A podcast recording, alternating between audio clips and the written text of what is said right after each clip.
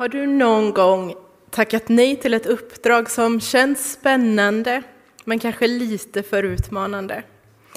Kanske fått en tanke som, trots att det känns rätt och roligt, slagit undan den?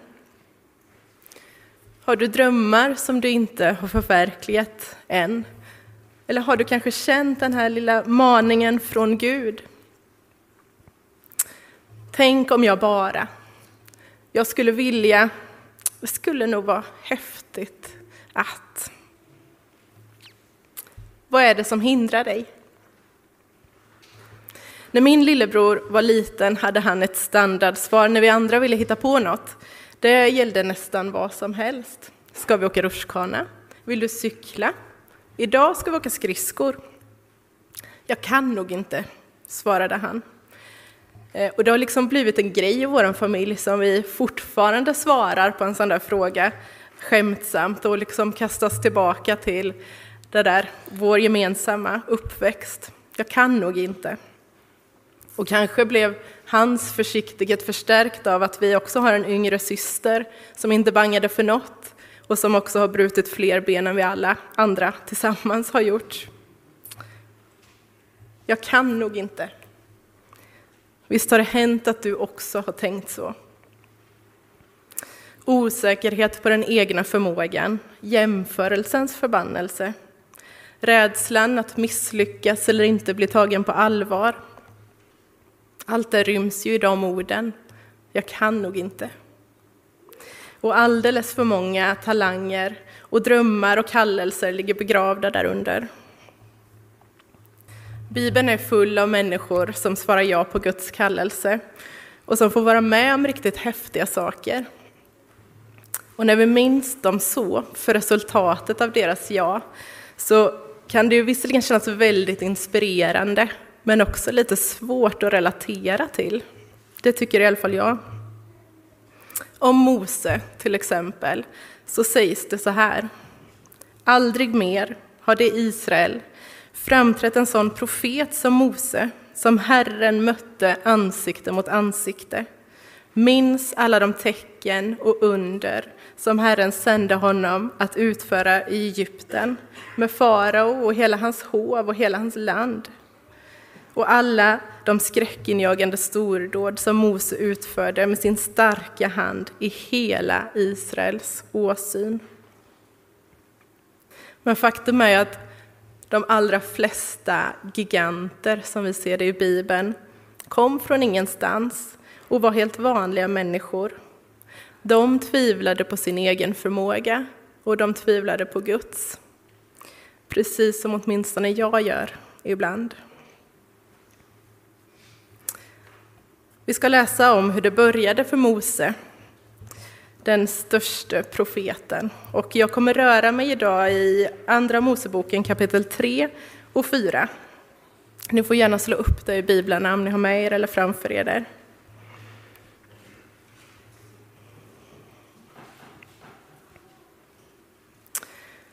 Kapitel 3, Andra Mosebok. Det börjar med att Mose vaktar får och så får han syn på en buske som brinner utan att brinna upp. Och då säger han så här. Vilken märklig syn. Jag måste gå dit och se varför busken inte brinner upp. Då Herren såg att han gick för att se, se efter ropade Gud till honom ur törnbusken. Mose, Mose. Han svarade, ja, här är jag. Herren sa, kom inte närmare, ta av dig dina skor. Du står på helig mark. Och han fortsatte. Jag är din faders Gud, Abrahams Gud, Isaks Gud och Jakobs Gud. Då skylde Mose sitt ansikte. Han vågade inte se på Gud. Och så berättar Gud för Mose att han har sett hur hans folk, israeliterna, far illa och plågas i Egypten. Och nu har han bestämt sig för att stiga ner befria dem från slaveriet och föra dem in i ett nytt land som flödar av mjölk och honung. Och så säger Gud till Mose, nu ska vi se, i vers 10. Så gå nu, jag sänder dig till farao. Du ska föra mitt folk, israeliterna, ut ur Egypten. Mose invände, hur skulle en sån som jag kunna gå till farao och föra israeliterna ut ur Egypten? Hur skulle en sån som jag? Moses invändning här är den första beröringspunkten mellan Mose och oss, skulle jag vilja påstå. Jag kan nog inte. Och mänskligt sett har Mose inga meriter som kvalificerar honom för det här uppdraget. Hans första år i livet är visserligen ihågkomna som ganska märkvärdiga. Han föds i en tid när farao har tagit det israelitiska folket som slavar. Och eftersom de bara blir fler och fler så känner sig farao hotad och har bestämt att alla israelitiska pojkar ska dödas. Så Moses mamma tar honom, lägger honom i en korg som flyter längs med Nilens strand och hittas av faraos dotter. Så räddas Mose och växer ironiskt nog upp vid faraos hov. Det andra vi känner till om Mose det är att han en dag gick ut bland folket och själv såg orättvisorna som egyptierna utsatte israeliterna för. Och när han gick emellan så råkar han döda en egyptier. Han gömmer kroppen i sanden, men när det ändå blir känt vad han har gjort så måste han fly. Och han flyr till ett annat land. Han gifter sig med en tjej från ett annat folk och han vaktar sin svärfars får. Nu är han 80 år. Det här är Moses historia och det är inte så svårt att förstå hans invändning, eller hur? Hur skulle en sån som jag kunna gå till farao? Men Gud har en annan ordning. Och vi känner igen mönstret från flera bibliska personer. David är yngst i en stor syskonskara när han kallas till kung. Petrus, som vi hörde om när han kallas, han förnekade Jesus när det gällde som mest och kort därefter så kallas han att vara klippan som hela kyrkan ska byggas på. Vi behöver aldrig ha visat prov på något innan Gud kallar oss. Och har vi misslyckats så får vi en chans till, tydligen. Det verkar så. Så vad svarar Gud Mose? Han svarar, jag ska vara med dig. Nej, Mose har inte en imponerande historia, men han råkar stå vid en buske. En buske som brinner. Han hör Gud ropa hans namn och han svarar, här är jag. Precis som Jesaja, sänd mig, här är jag. Mötet med Gud och den fortsatta relationen till honom, den förändrar allt och är grunden för allt. Sen följer ett avsnitt i berättelsen när Gud redogör för Mose hur han ska få folket att tro att han är sänd av Gud. Rädslan för att göra bort sig och att inte bli tagen på allvar, den ser Gud. Men Mose invänder ändå och säger i, vers, i kapitel 4, vers 1. Men om de inte tror mig och inte lyssnar på mig, utan säger att Herren inte har uppenbarat sig för mig. Ja. Herren sa, vad har du i handen? En stav, svarade Mose. Kasta den på marken, sa Herren. Och när Mose kastade den på marken så förvandlades den till en orm. Mose ryggade tillbaka för den, men Herren sa, räck ut handen och grip den i stjärten. Och när Mose gjorde så, så förvandlades den åter till en stav i hans hand. Så ska de bli övertygade om att Herren, deras fäders Gud, Abrahams Gud, Isaks Gud och Jakobs Gud, har uppenbarat sig för dig. Vad har du i handen? frågar Gud. Mose har en stav eftersom han är fåraherde. Det är det han kan, leda en flock från ett ställe till ett annat. Och det är det som Gud vill använda. När Gud kallar dig, manar dig till något, så är det för att du är du, för att du har de talanger och de erfarenheter som du har. Gud vill använda det. Mose hade staven i handen och det är därför det är med den som Gud vill göra tecknen. Det är genom Moses stav som Gud sänder plågorna till farao innan, eh, innan farao låter israeliterna lämna Egypten. Det är med staven som Röda havet delar sig. Det är genom staven som det kommer vatten ur klippan och så vidare. Det Mose hade, det använde Gud. Och när Mose borde ha, eller när Gud i texten både har visat och förklarat vilka tecken han vill göra med Moses stav, så tar Mose till orda igen. Vers 10. Förlåt din tjänare, Herre, men jag har inte ordet i min makt. Det har jag aldrig haft, inte heller sedan du talade till mig. Orden kommer trögt och tveksamt. Stackars Mose. Gud har precis gjort klart för honom att det är med staven, med det som Mose kan, som han ska göra tecken. Inte med något annat, inte med några stora ord. Och stackars oss, för hur ofta hamnar inte vår blick på precis just det där som vi inte kan så bra?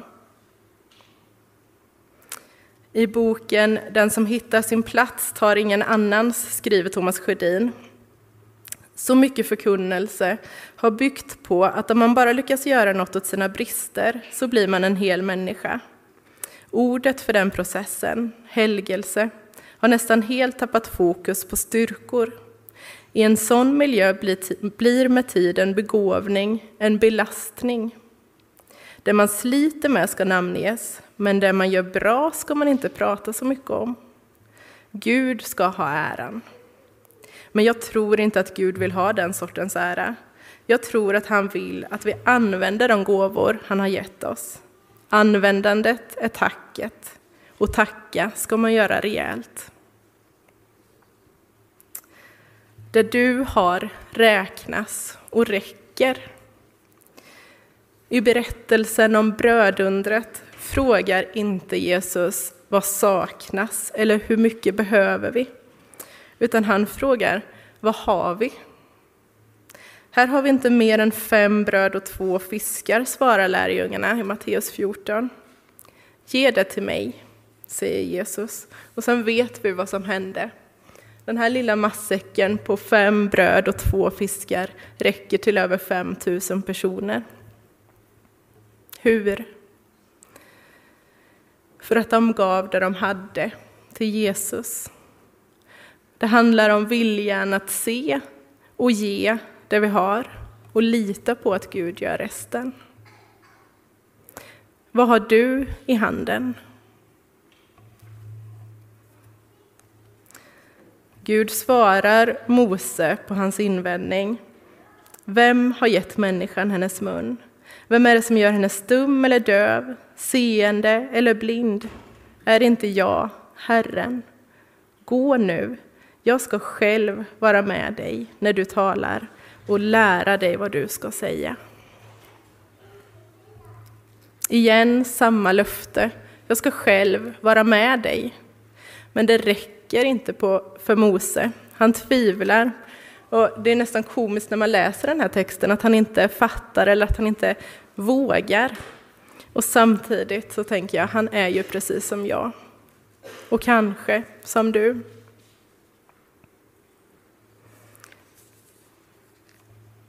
Vers 13 fortsätter Mose vädjande. Herre, jag ber dig, sänd bud med någon annan, vem du vill. Då blev Herren vred på honom och sa, du har ju din bror Aron, leviten, han kan tala, det vet jag. Han är redan på väg för att möta dig och han blir glad att få se dig. Tala med honom, lägg orden i hans mun. Jag ska själv vara med både dig och honom. Han ska tala till folket för din räkning. Så blir han din mun och du blir hans Gud. Och staven ska du ha i handen. Det är med den du ska göra tecknen.